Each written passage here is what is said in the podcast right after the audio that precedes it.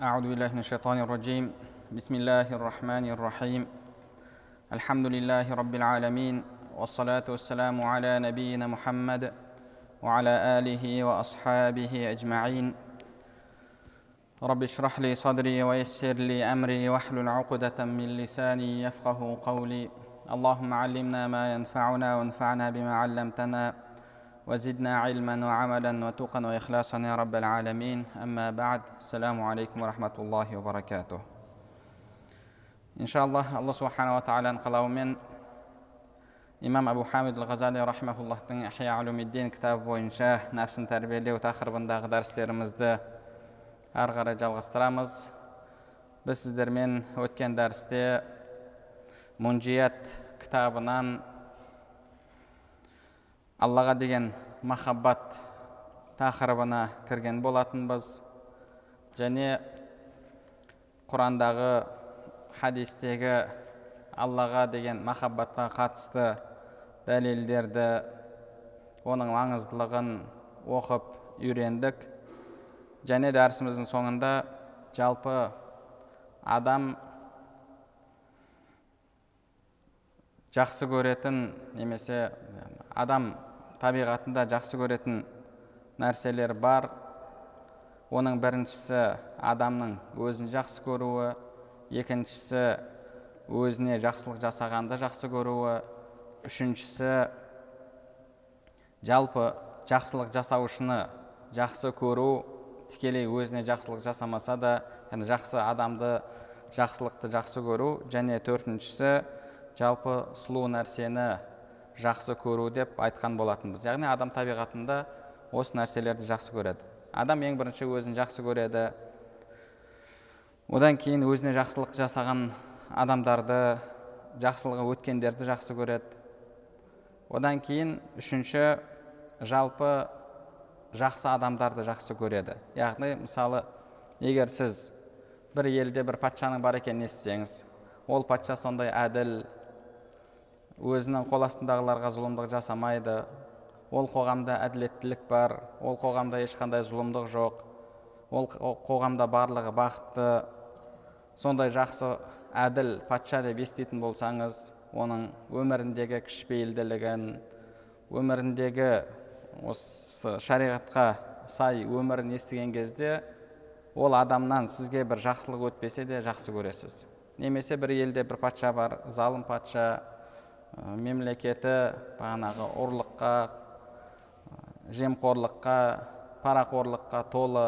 Ол жерде күшті әлсізді жаншиды сондай зұлымдыққа толы қоғам деп еститін болсаңыз егер бір мемлекет жайында бір патша жайында сізге тікелей бір жамандығы өтпесе де сіз ол адамды жақсы көрмейсіз. Ол адамды жек көресіз.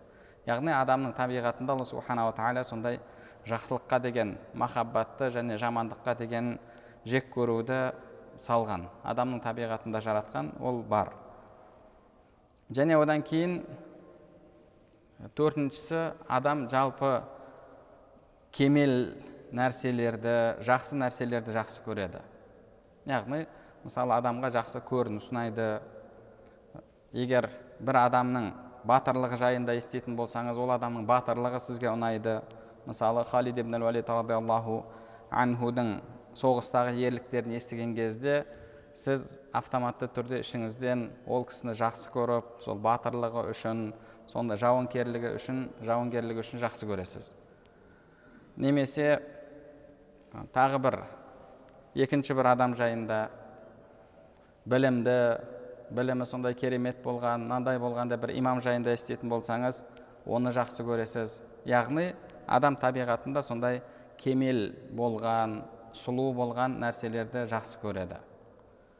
Енді адамның бір нәрсені жақсы көруіне себеп болған нәрселердің барлығын қарайтын болсақ осы нәрселердің барлығы яғни осы себептердің барлығын жинастырып келгенде қарастырғанда негізгі біздің шынайы махаббатымызға лайық болған ол жалғыз алла тағала. Жалғыз алла тағала. Неге? Себебі қарап отыратын болсақ сіз өзіңізді жақсы көресіз. Енді сізді өзіңізді жақсы көретін сізді кім жоқтан бар етті? Жоқтан бар етіп бұл дүниеге келтіргеннен кейін бұл дүниеге келгеніңізден кейін ары қарай сіздің өмір сүруіңізді кім нәсіп етті? Кім сізге осы өмірді сүрдіріп жатыр? Кім сізге рызықты беріп жатыр кім сізге бала шағаны беріп жатыр? Қарап отыратын болсақ яғни барлық нәрсе біздің жаратылуымыз рызқымыз бізге қатысты кез келген нәрсе ол алла субханала тағаладан аллаху субханала тағаладан және одан кейін екінші себепті қарастыратын болсақ та екінші себеп сізге біреу жақсылық істесе сіз оны жақсы көресіз. Сіз оны жақсы көресіз. Ал енді алла субханала тағаладан артық сізге кім жақсылық жасап жатыр? Алладан артық сізге кім мейірімділік танытып жатыр? Алла субханала тағала бізге анамыздан да мейірімді. Құранда алла субханала тағала сендердегі кез келген нығмет ол алла тағаланың тарапынан дейді. Алла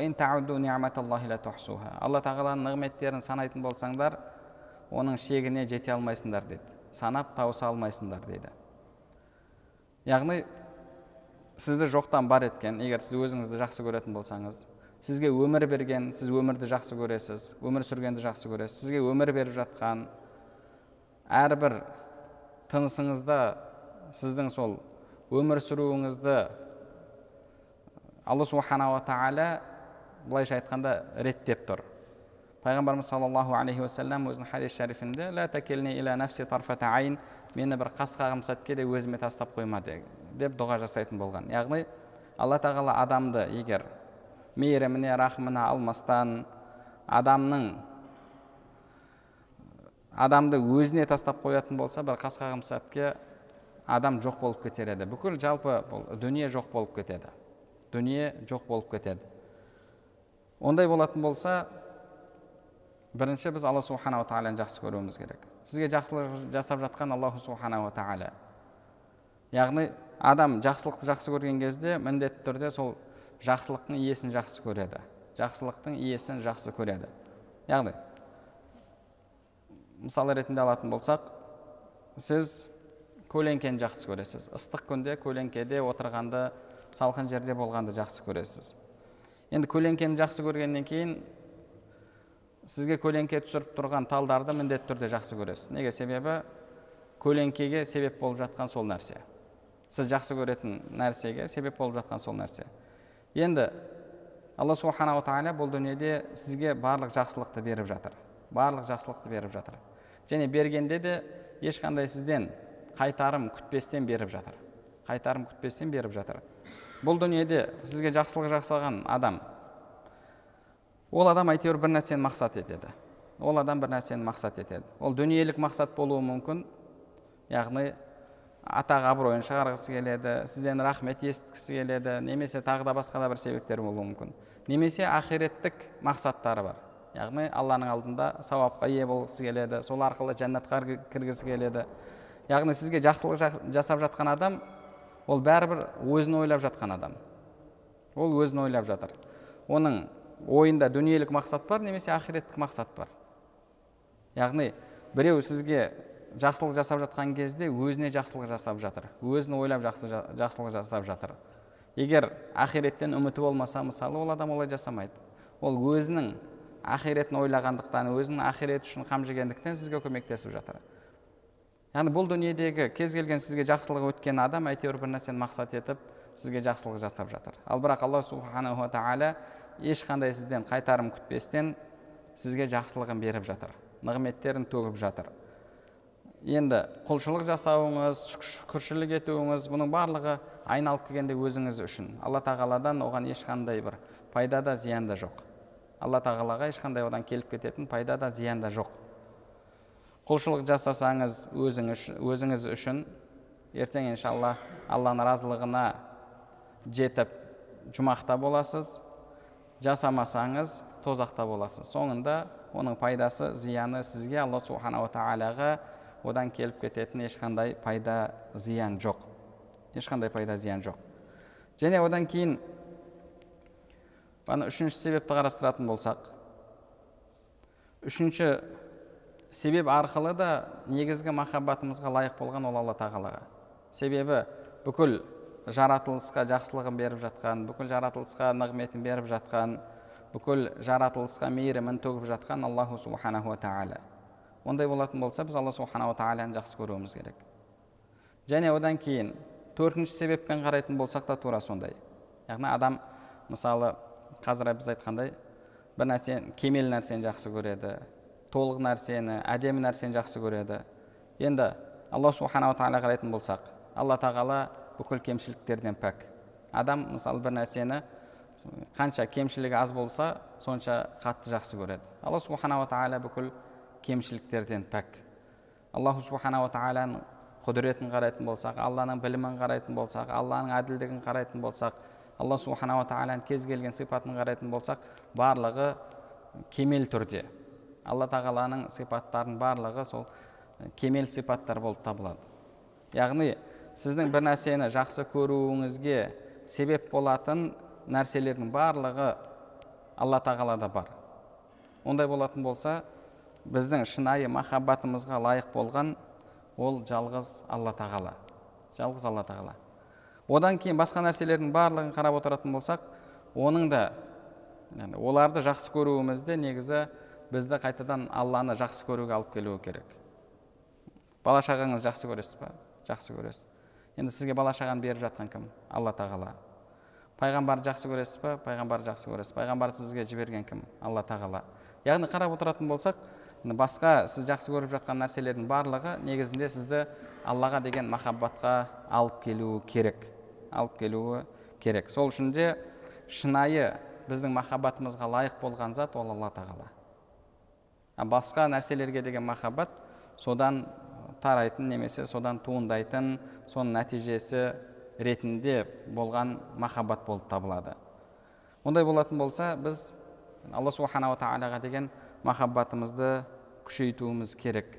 Егер кімде кім алла тағаланы жақсы көре алмаса онда бұл оның алла тағаланы дұрыс танымағанын көрсетеді. Себебі адам жақсылап ойланып қарайтын болса осы себептерді ойлап қарайтын болса негізінде алла субханаху уа тағаланы міндетті түрде жақсы көруі керек. Негізінде ғұламаларымыз айтады кім алла тағаланы жақсы көрсе алла тағаланы таныса міндетті түрде жақсы көреді дейді. Яғни сізде алланы тану болса білім болса марифатулла алла тағаланы тану білу онда міндетті түрде махаббат келеді. Сіздің аллаға деген махаббатыңыз әлсіз бе? Онда сіз алла тағаланы дұрыс танымапсыз. Алла тағаланы дұрыс танымағансыз. Ғұламаларымыз айтқандай кімде кім алла тағаланы таныса оны жақсы көрмеуі мүмкін емес дейді. Жақсы көрмеуі мүмкін емес. Неге? Себебі қарап отырсақ барлық нәрсе алла тағаладан. Алла тағала бізге мейірімін де төгіп жатыр жақсылығын да беріп жатыр нығметтерін шексіз беріп жатыр. Онда алла тағаланы жақсы көрмегенде кімді жақсы көруіміз керек? Алла тағаланы таныған адам таныған адам алла тағаланы жақсы көрмеуі мүмкін емес. Алла тағаланы жақсы көрген адам алла тағалаға бағынбауы мүмкін емес дейді. Алла тағалаға бағынған адамның бақытсыз болуы мүмкін емес. Яғни бұлардың барлығы бірге жүретін нәрсе. Тану жақсы көру бағыну бақытқа қол жеткізу. Ондай болатын болса біз алла субханала тағаланы тануымыз керек. Сол арқылы алла тағалаға деген жүрегіміздегі махаббатты күшейтуіміз керек. Пайғамбарымыз саллаллаху алейхи уассалам не үшін? Алла тағаланың бір есімі кем біреу кем жүз есімі бар яғни тоқсан тоғыз есімі бар. Кім оны санаса жаттаса яғни үйренсе сол бойынша амал ететін болса жәннатқа кіреді деді. Себебі сіз сол сипаттарын білу арқылы алла тағаланы танисыз.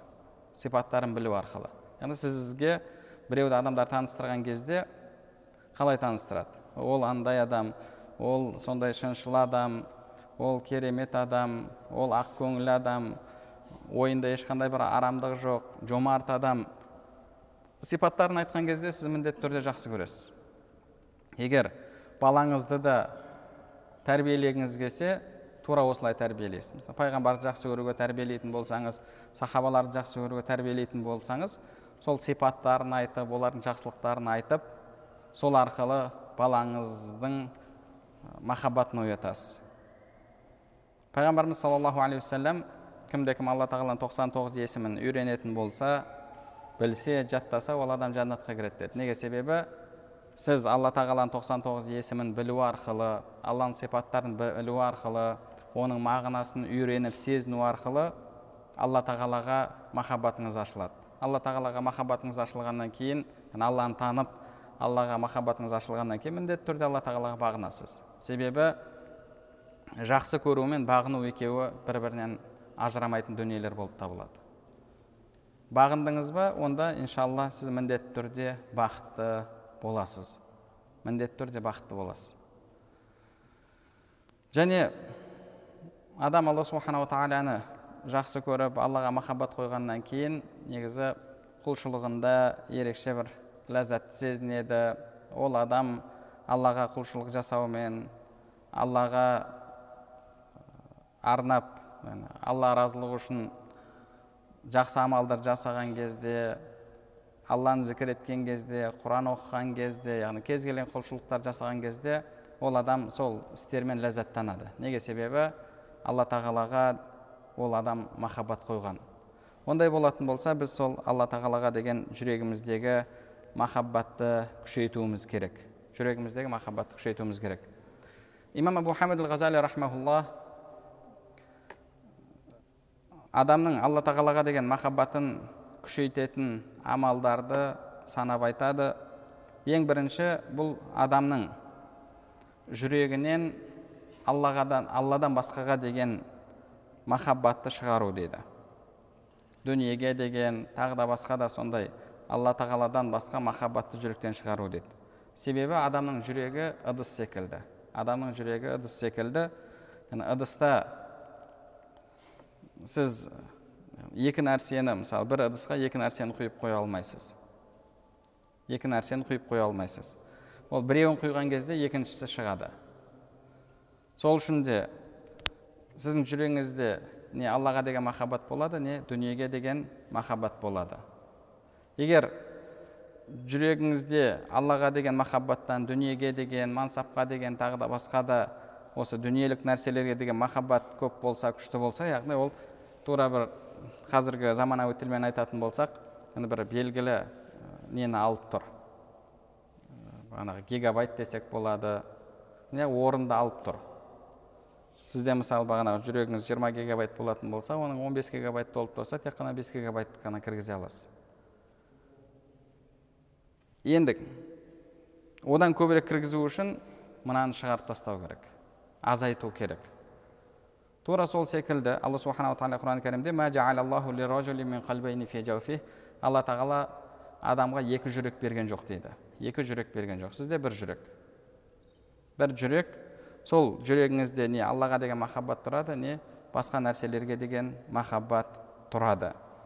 Сол үшін де пайғамбарымыз саллаллаху алейхи уассалам иман тазалық немесе тазарту иманның жартысы деді. Тазарту иманның жартысы. Имам абу хамид ғазали рахмаулла осы хадиске қатысты айтады. Бұл хадис адамның жалпы жүрегіне қатысты хадис деді. Жүрегіне қатысты хадис. Адамның жүрегінде аллаға деген махаббат болу үшін оның екі рукіні немесе екі негізі бар екі шарты бар. Біріншісі жүректі тазарту екіншісі сол аллаға деген махаббаттың дәнін жүрекке егу. Яғни осы екеуі бірге толық иман болады. Ондай болатын болса жүректі тазарту яғни жүректен дүниеге деген махаббатты шығарып тастау сол иманның жартысы болады. Енді екінші жартысы қалып тұр ол сол жүрекке алла тағалаға деген махаббатты кіргізу алла тағалаға деген махаббатмен жүректі толтыру сонда сіздің иманыңыз кәміл болады. Ондай болатын болса ана адам сол жүрегінен дүниеге деген махаббатты шығару керек. Жүрегінен аллаға деген жүрегіне алла тағалаға деген махаббатты кіргізу керек. Жүрегінен басқа нәрселерге деген махаббатты шығарып тастау керек. Шығарып тастау керек. Енді екінші адам сол істі істеу арқылы аллаға деген махаббатын күшейтетін амал бұл алла субханала тағаланы танытатын алла субханала тағаланы алланы шынайы түрде танытатын амалдарға әрекет жасау амалдарға әрекет жасау яғни мысалы қандай да бір амалдар болса жүрегіңіздегі иманды күшейтеді деген аллаға деген махаббатты күшейтеді деген онда сол амалдарға әрекет жасау керек ибраһим алейхисалам وإذ قال إبراهيم ربي أريني كيف تحيي الموتى قال أولم تؤمن قال بلى ولكن ليطمئن قلبي алла тағала маған өліні қайта тірілтетініңді көрсет деді сенбейсің бе деген кезде жоқ сенемін бірақ қалби яғни бір сондай бір жүрегім тыныштық тауып жүрегі тыныш қой бірақ бұл жерде яғни одан да иманы артып бір сондай бір ерекше сезімге бөлінуді айтады бұл жерде жалпы бізде иманның дәрежесінде ғұламаларымыз айтады. Мысалы бізде бірінші иман бар. Иман яқин иман бар. Одан кейін сол иманды тағы да яғни бекіту итминан деген нәрсе бар. Бір нәрсені сіз білесіз нақты бірақ білген нәрсеңізді кейін көретін болсаңыз құранда алла субханала тағала айтқандай яғни анық көзбен көресіңдер деген дегендей көзбен бір нәрсені анық көретін болсаңыз одан кейін иманыңыз тағы да артады. Сол сияқты бұл дүниеде қандай мәселелер бар? Қандай мәселелер бар? Мысалы ана құрандағы бір жаңалықтарды ғылыми жаңалықтарды білу арқылы кейбіреулердің аллаға деген махаббаты аллаға деген иманы артып жатады. Одан кейін әлгі бір ғылыми тағы да нелерді көретін болсаңыз тура сондай. Немесе бағанағы адамдардың басынан өткен оқиғалар яғни кез келген сол жүрегімдегі аллаға деген иманды күшейтеді деген жолдар мәселелер болатын болса онда соған әрекет ету керек. Бір адамдарға уағыз қатты әсер етеді бір адамдарға сондай бір ғылыми жаңалықтарды білу әсер етеді бір адамдарға мысалы адамдардың басынан өткен оқиғаларды білу әсер етеді. Сондай мәселелердің барлығын адам қолынан келгенше иманымды күшейтеді деген мәселелерді қолдан келгенше соған амал етуі керек. Сол арқылы жүрегіндегі аллаға деген махаббатын күшейтуі керек. Бірінші жүректі тазаладық па екінші сол жүрекке алланы тануды аллаға деген махаббатты құю керек ол дән егілгеннен кейін иншалла сол дәннен яғни алланы танудан аллаға деген махаббаттан кейін басқа жемістер шығады аллаған алланың тағдырына разы болу тәуекел алладан қорқу үміт ету тәубе тағы да басқа да жақсы сипаттар оның барлығы алланы танудан аллаға деген жүрегіңіздегі махаббаттың күштілігінен келіп шығатын нәрсе. Алла субханала тағала құран кәрімде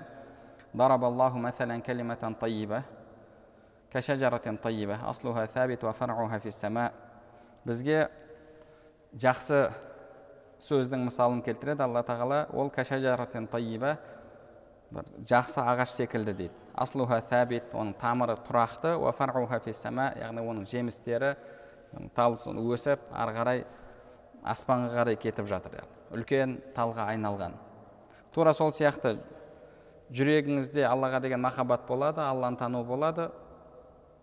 Сол әлгі талдың тамыры одан кейін содан түрлі жемістер шығады. Тәуекел етуіңіз аллаға разы болуыңыз алладан қорқуыңыз үміт етуіңіз тәубе етуіңіз алла жолында сабырлық етуіңіз жүрегіңізден хасаттың шығуы барлығын қарап отыратын болсақ осы аллаға деген махаббаттан алланы танудан келіп шығады алланы танудан келіп шығады адамдар жалпы алла субханала тағаланы тануда немесе алла тағаланы жақсы көруде алла тағаланы тану деңгейіне байланысты әртүрлі болады. Алла тағаланы тану деңгейіне байланысты әртүрлі болады. Имам абу хамид ғазали рахмаулла оған имам шафии рахмауллахты мысал ретінде келтіреді. Яғни бұл дүниеде мысал келтіретін болсақ мысалы имам шафии рахмауллахты артынан еруші жалпы ауам халық имам ретінде жақсы көреді.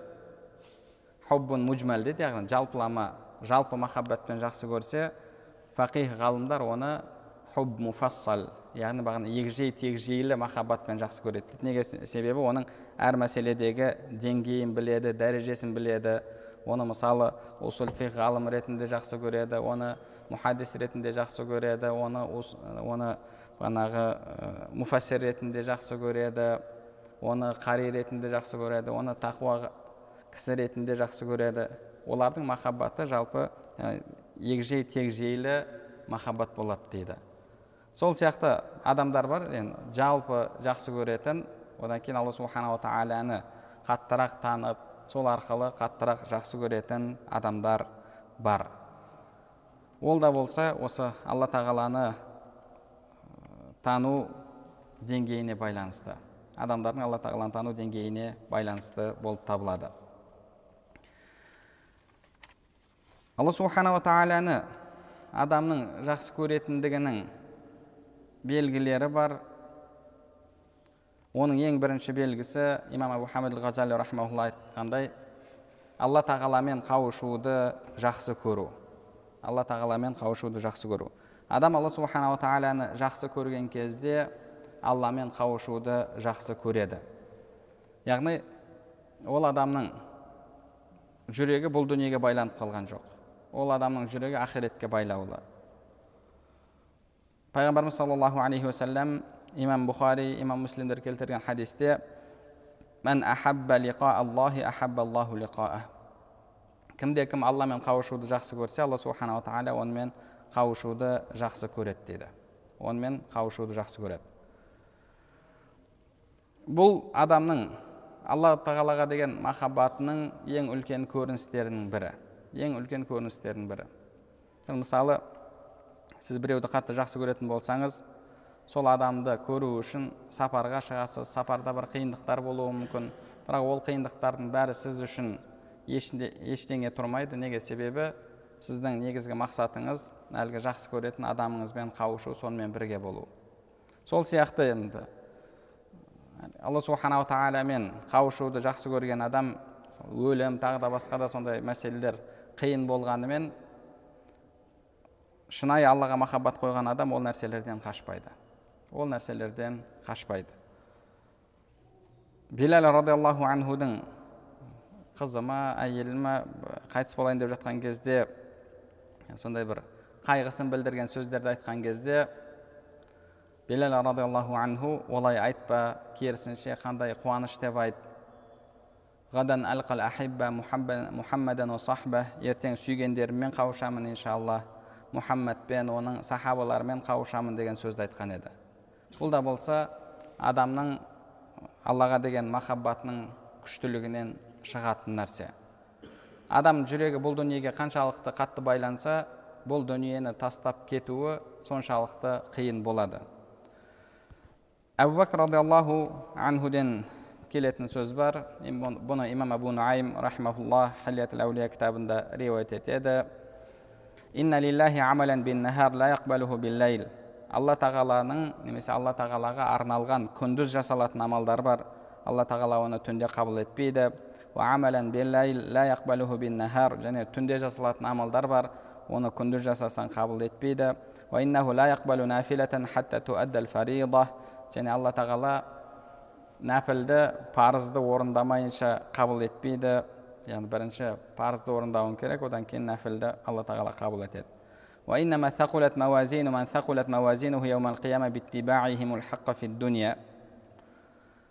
бұл дүниеде ақиқатқа ерген адамдардың қияметте таразысы ауыр болады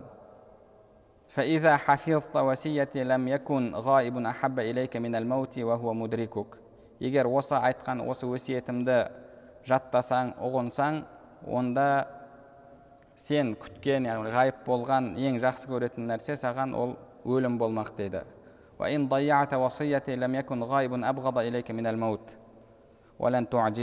Егер бұл өсиетімді ұқпасаң бұған амал етпесең онда сенің ең жек көргенің өлім болады бірақ өлімнен қашып құтыла алмайсың дейді.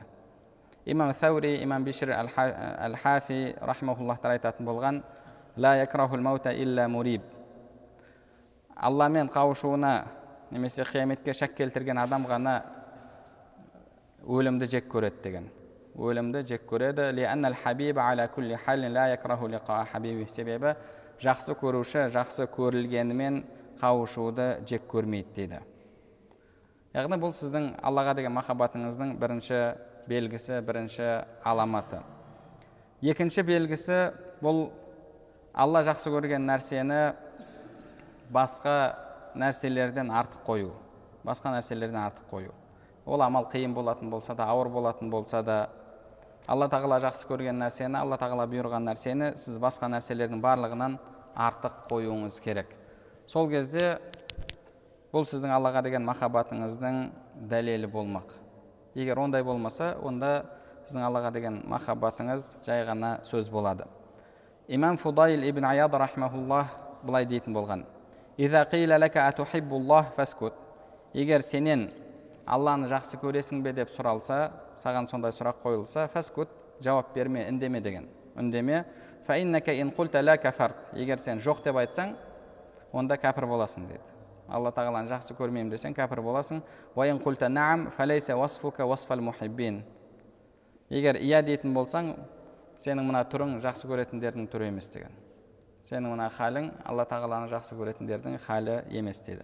Яғни сіз алла субханала тағаланы жақсы көрсеңіз онда алла субханала тағала жақсы көретін нәрселерді басқа барлық нәрседен артық қоясыз. Және сондай ақ аллаға деген махаббаттың көрінісі алла тағаланы көптеп зікір ету жеке қалып алланы зікір етумен ләззаттану. Алланың кәләмін жақсы көру. Егер сіз шынымен жақсы көретін болсаңыз алла субханала тағаланы онда жеке қалып алланы зікір еткен кезде ләззаттанасыз. Жеке қалып истиғфар айтқан кезде көзіңізге жас келіп сондай бір ерекше халде ерекше сезімде боласыз. Пайғамбарымыз саллаллаху алейхи сол үшін де жеті түрлі адамның бірін айтқан кезде бағана жеке қалып алла тағаланы зікір етіп көзінен жас шыққан адам деді. Адам біреуді жақсы көрген кезде онымен жеке қалуды оңаша қалуды жақсы көреді. Жеке қалып оңаша сырласатын болса сонымен ләззаттанады. Мысалы біреулер келіп сөзге араласып жатса келіп сырласуыңызға кедергі келтіріп жатса сізге ол нәрсе ұнамайды мазалайды сол сияқты сіз алла субханала тағаланы жақсы көрдіңіз бе онда сіз үшін алламен жеке қалу жеке қалып құлшылықта болу алла тағаламен сырласу яғни құран оқу алланы зікір ету истиғфар айту бұл амалдар сізге ерекше бір сондай ләззат беруі керек бұл сіздің алла субханала тағалаға деген махаббатыңыздың көрінісі болып табылады алла тағаланы жақсы көрдіңіз ба онда алла тағаланың сөзін кәләмін міндетті түрде жақсы көресіз ондай болатын болса алланың кәләмін оқыған кезде ләззаттанасыз ал егер алланың кәләмін оқу алланы зікір ету жеке қалып аллаға истиғфар айту сіз үшін ауырлық тудыратын болса қиналатын болсаңыз уақытыңыз өтпей кететін болса онда бұл сіздің жүрегіңіздегі аллаға деген махаббаттың аздығын көрсетеді әлсіздігін көрсетеді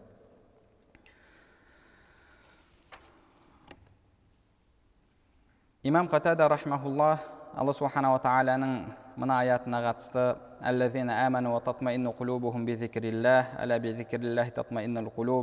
Яғни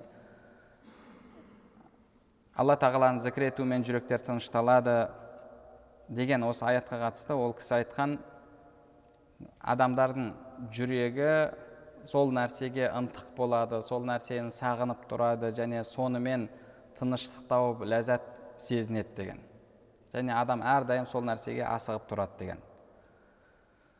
Және сондай ақ алла субханала тағалаға деген махаббатыңыздың көрінісі аллаға қатысты алланың құлшылығына қатысты болмаған кез келген сізге бұйырмаған нәрсеге өкінбеуіңіз дейді. Яғни адамның өкінетін нәрсесі ол тек қана зікірсіз өткен уақыты үшін құлшылықсыз өткен уақыты үшін тәхәжүдсіз өткен түні үшін тағы да басқа да сондай уақыттар үшін қиналатын болса сол уақыттар үшін қынжылатын болса онда ол адам алла субханала тағаланы жақсы көрген адам болып табылады деді. Ал егер сіз түнде тұрып намаз оқи алмағаныңыз үшін қиналуыңыз әлгі саудаңыз жүрмеген үшін қиналуыңыздан аз болатын болса бағанағы базарға шығып саудаңыз өтпеген үшін түнде тұрып намаз оқымағаныңыздан қаттырақ қиналатын болсаңыз немесе бағанағы айлығыңыз түспей қалғанына айлығыңыз аз түсіп қалғанына қиналуыңыз құлшылықтарды нәпіл оразаларды жасай алмағаныңыз үшін қиналудан көбірек болатын болса онда бұл сіздің дүниеге деген махаббатыңыздың аллаға деген махаббаттан күшті екендігін көрсетеді. күшті екендігін көрсетеді. Және сондай ақ адамның аллаға деген махаббатының тағы бір көрінісі дейді. Біз оны қазір айтып кеттік. Бірақ имам абу ғазали рахмаулла оны арнайы тақырып етіп бөліпті. Ол аллаға құлшылық етумен ләззаттану оны ауыр сезінбеу дейді. Және имамдарымыздың сөзін келтіреді. Мен құранмен жиырма жыл күрестім кейін жиырма жыл рахаттандым деген. Яғни жиырма жыл басында құлшылық жасаған кезде құран оқыған кезде сол керек ләззатты сезіне алмай сонымен күрескен сол жолға сол деңгейге жету үшін кейін жиырма жыл рахаттандым дейді. Ғұламаларымыз бағанағы яқин келгенше раббыңа құлшылық жаса деген аятқа қатысты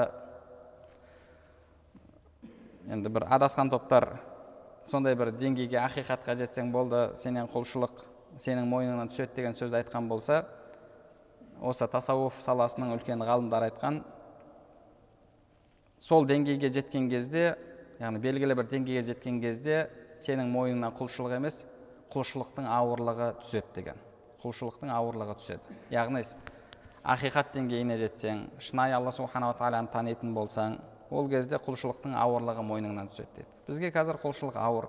Намазда тұру ауыр түнде тәхәжүдқа тұру ауыр нәпіл ораза тұту ауыр ал бірақ шынайы алла тағаланы таныған кезде ол құлшылықтардың ауырлығы кетеді. Пайғамбарымыз саллаллаху алейхи уассалам арихна я билал уа билал азан айтып бізді демалдыр дейтін болған. Пайғамбар саллаллаху көз қуанышы намазда болды. Намазға кірген кезде ерекше сезімде болатын. Яғни жалпы адам алла субханала тағалаға шынайы махаббат қойған кезде құлшылықта тұрған кезде ерекше ләззат сезінеді ерекше ләззат сезінеді. Және сондай ақ адамның жүрегінде аллаға деген қорқыныштың болуы деді. Алладан қорқу болуы.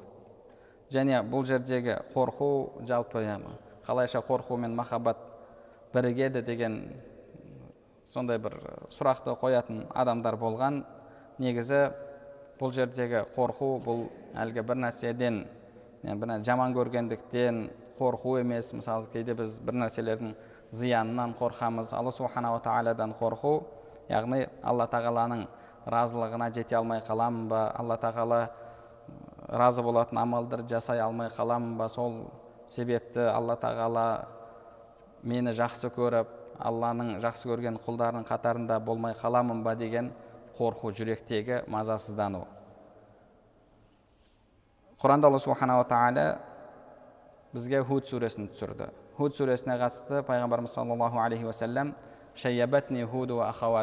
мені худ яғни худ қауымына қатысты оқиға сол сүреде келген және де басқа да қауымдарға қатысты келген оқиғалар мені шашымды ағартты деген имам абу хамид ғазали рахмаулла соған қатысты айтады себебі ол жерлерде ол сүреде әла буада әла буада деген сөз кеп, көп келеді. Әла буада яғни ұзақ болсын ұзақ болсын баид деген сөз араб тілінде ұзақ деген.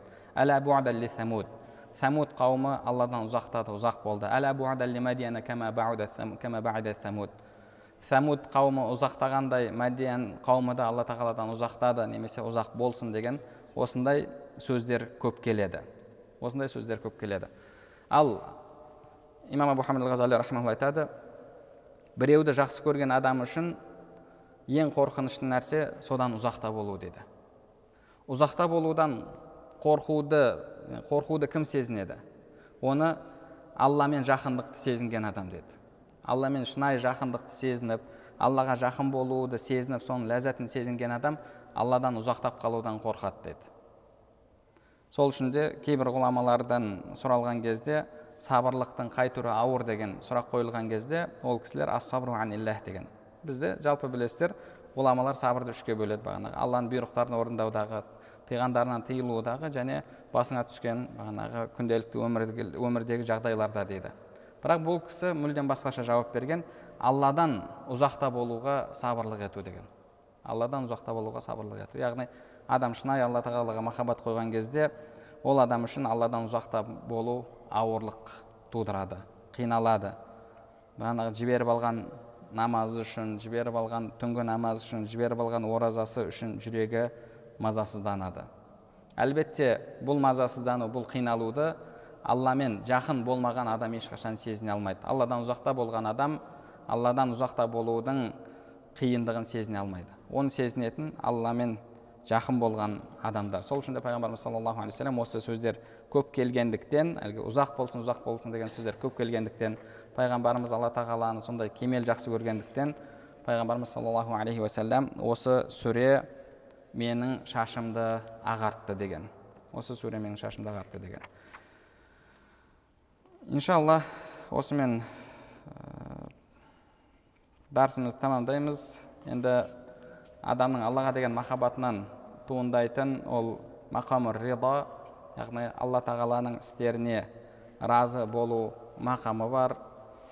Алла тағаланың істеріне разы болу дегеніміз не? Алла тағаланың істеріне разы болу деген кейбіреулер түсінгендей күнәға да разы болып күнә істеп жүрген адамдар бәрібір бұларды әйтеуір алланың бұйырғанын орындамаса да алланың қалауын орындап жатыр ғой деп оларды тастап қою ма?